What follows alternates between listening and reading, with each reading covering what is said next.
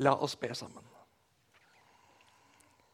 Himmelske Far, Herre Jesus Kristus, Hellige Ånd. Takk for at du er her. Takk for at vi får være her innenfor deg. Takk for at du taler til oss, du rører ved oss. Åpne ordet for oss, så vi får se mer av deg. Se hvem vi får være i deg. Velsign de gaver vi nå har gitt, at det kan bli til gagn for ditt rike. Amen. Vi skal lese sammen fra Johannes evangeliets 16. kapittel, vers 12-15. Vi står.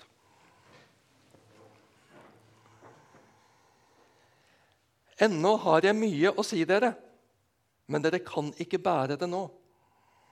Men når sannhetens ånd kommer, skal han veilede dere til hele sannheten. For han skal ikke tale ut fra seg selv, men si det han hører, og gjøre kjent for dere det som skal komme. Han skal herliggjøre meg, for han skal ta av det som er mitt, og forkynne det for dere. Alt det som en far har, er mitt. Derfor sa jeg at han skal ta av det som er mitt, og forkynne det for dere. Slik lyder Herrens ord. Vær så god, sitt. Jesus har mye på hjertet, men disiplene er ikke i stand til å ta det inn nå. De makter det ikke. Det vil bare bli uforståelige ord og utsagn for dem. Tenåringer kan himle med øynene overfor foreldrenes mas. Nå må du huske på at Og ikke glemme sånn. Og så er det viktig å passe på. Vi har våre regler. Jeg har en vag fornemmelse fra egen ungdomstid en gang i forrige årtusen. Selv om mine foreldre var, og mange av oss også i dag er, veldig forsiktig med å formane og rettlede, så var det i ungdomstida en varhet for å bli belært. Samtidig som foreldre så har vi erfart ulike nesestyver opp igjennom. Ulike ting vi ikke hadde forestilt oss. Det hadde vært greit å bli forberedt på et og annet. Og ikke minst at det var noen der som var tilgjengelig for spørsmål. Noen som en kunne spørre om råd og veiledning. La oss være tilgjengelig for neste generasjon. Ja, ikke bare for neste generasjon, men for de som er litt yngre enn oss. Eller nå er på vei over i en fase i livet som vi har litt erfaring med. Vi trenger ikke psykologer, leger og profesjonelle rådgivere for alt. Om vi som medmennesker, som kristne søsken, er åpne og har tid for hverandre.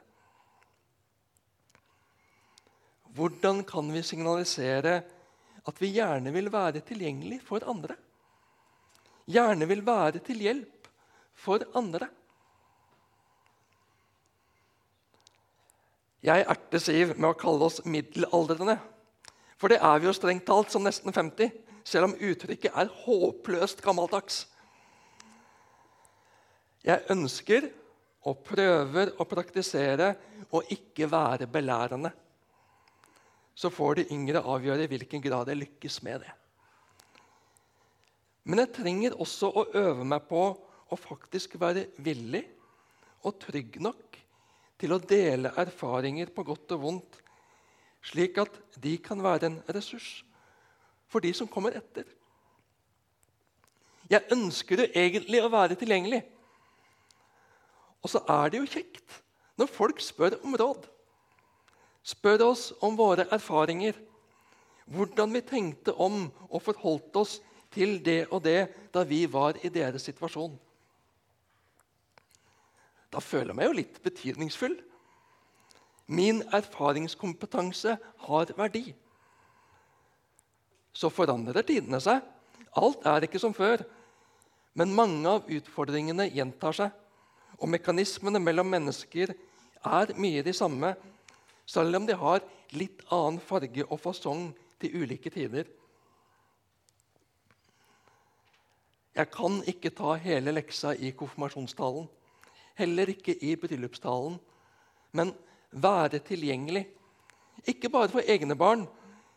Ofte er det nettopp den som ikke er så tett på, som det er lettere å spørre og rådføre seg med.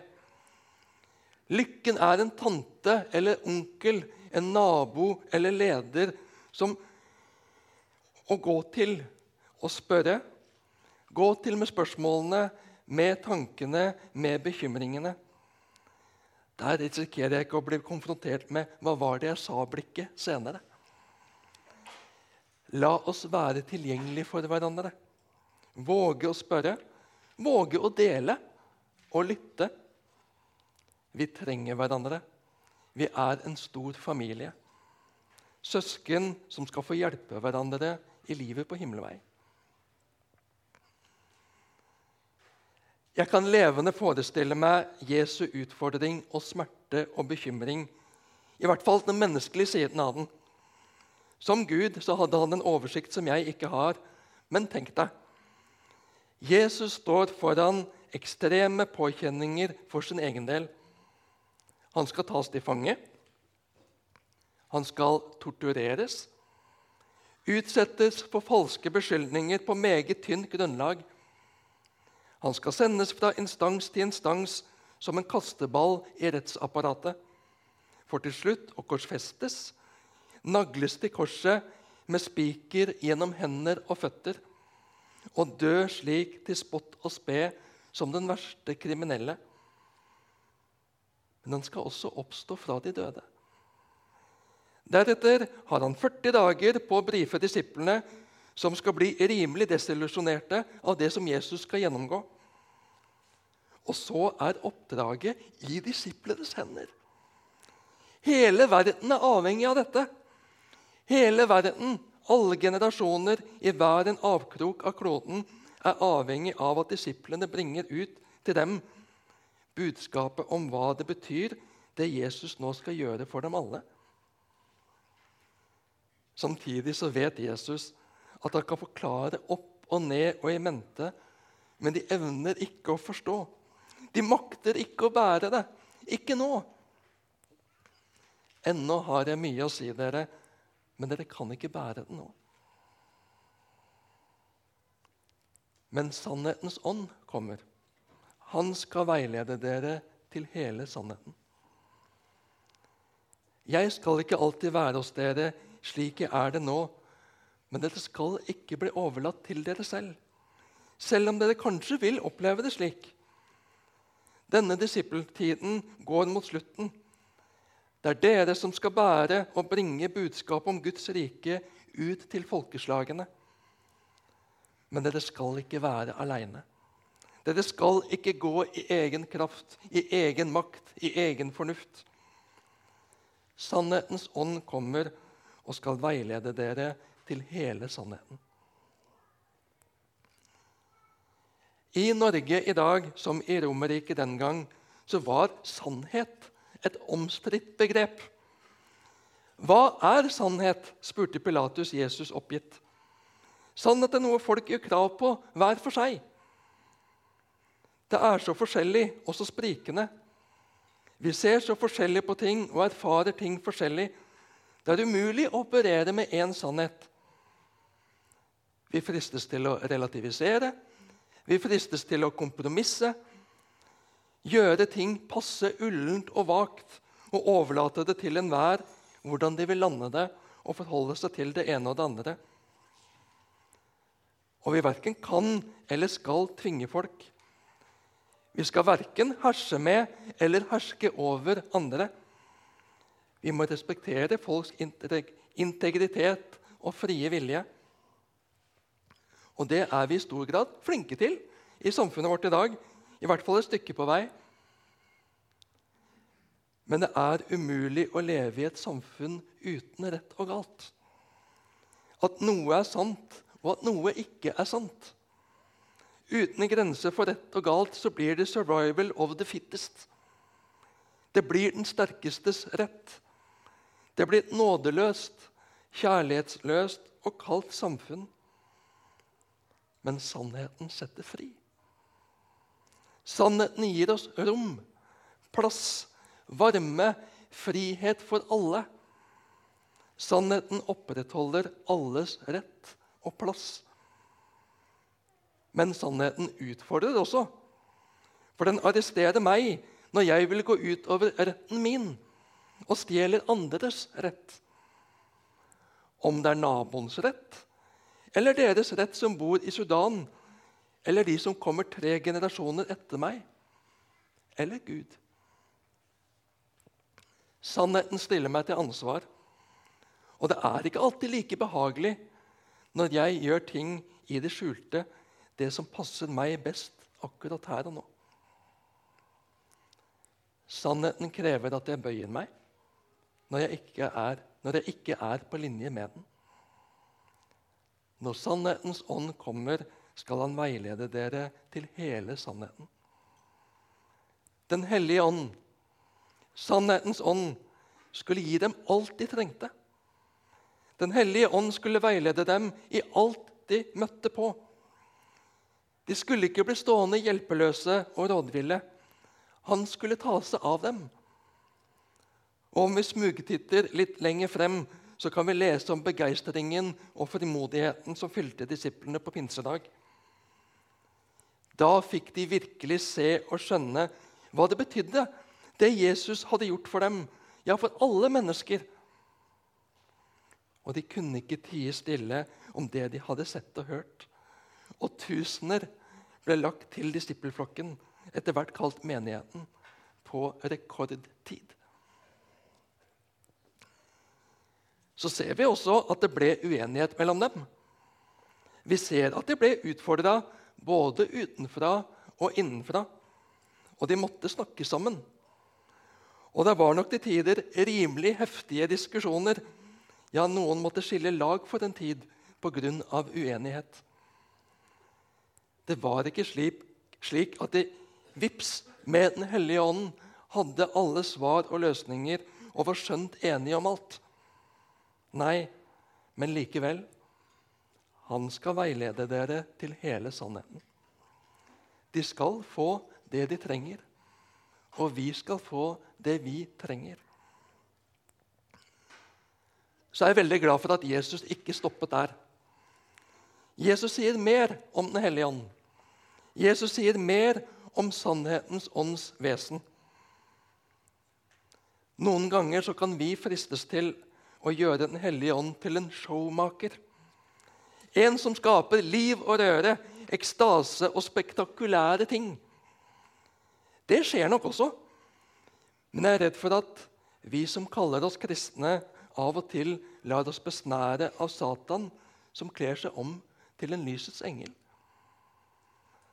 Når fruktene blir en opptatthet av åndelige opplevelser, mirakler for miraklenes skyld, helbredelsene for helbredelsenes skyld, at helse blir viktigere og mer i fokus enn frelse. Når makt rikdom og ære og et fokus på hva de i ånden realiserer. Og mennesker blir store, og Jesus får en birolle i skyggen. Da vitner ikke dette om Den hellige ånds gjerning og vesen.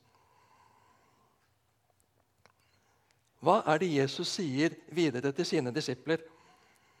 Når sannhetens ånd kommer, skal han veilede dere til hele sannheten.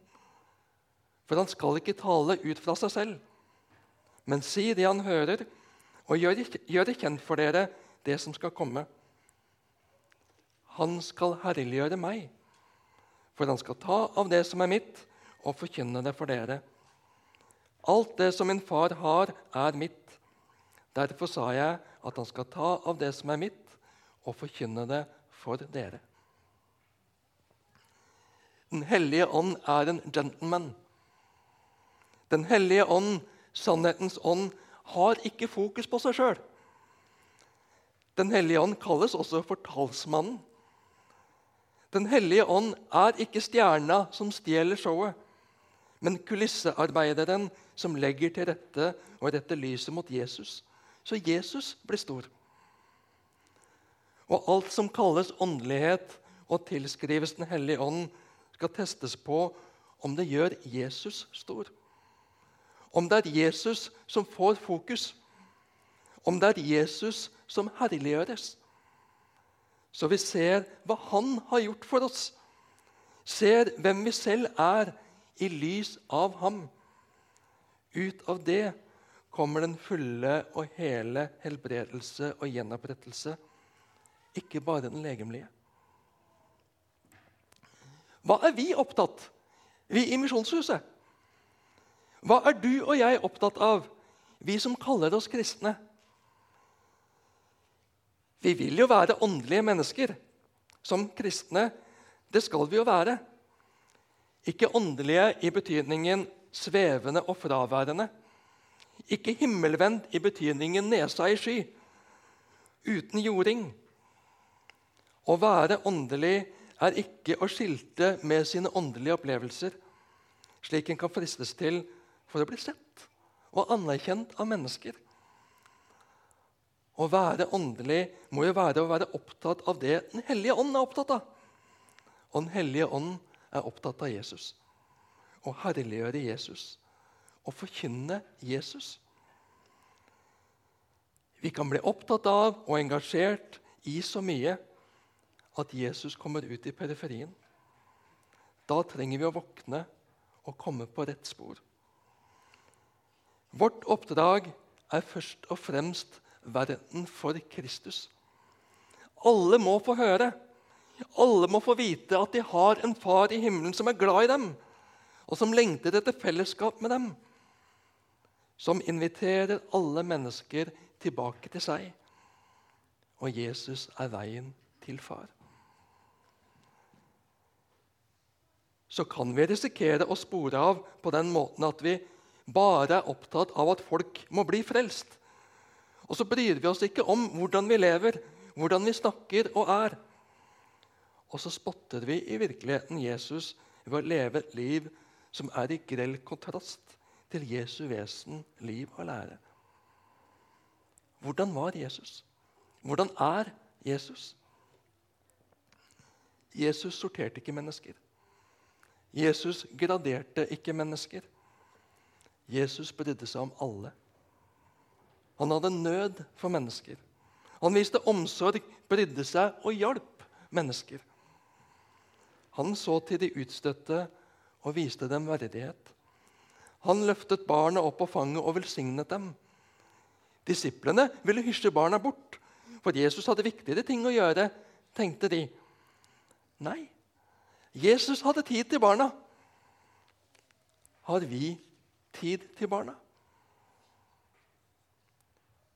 Vi har bygd nye, flotte rom for barna til Awana, søndagsskolen vår. Og det er herlig å se og høre barna boltre seg der. På torsdag hadde vi familiegudstjeneste i Ramnedalen med fokus nettopp på barna. Vi har storsøndager. Vi vil løfte barna opp og fram og inn til Jesus. Men det er fortsatt knapphet på ledere i Havana. Har du anledning til å bruke noen søndag formiddager på barna? Vi har barn, tweens, som er i ferd med å vokse over i tenårene. Og vi skal fra høsten av starte nytt tilbud for dem.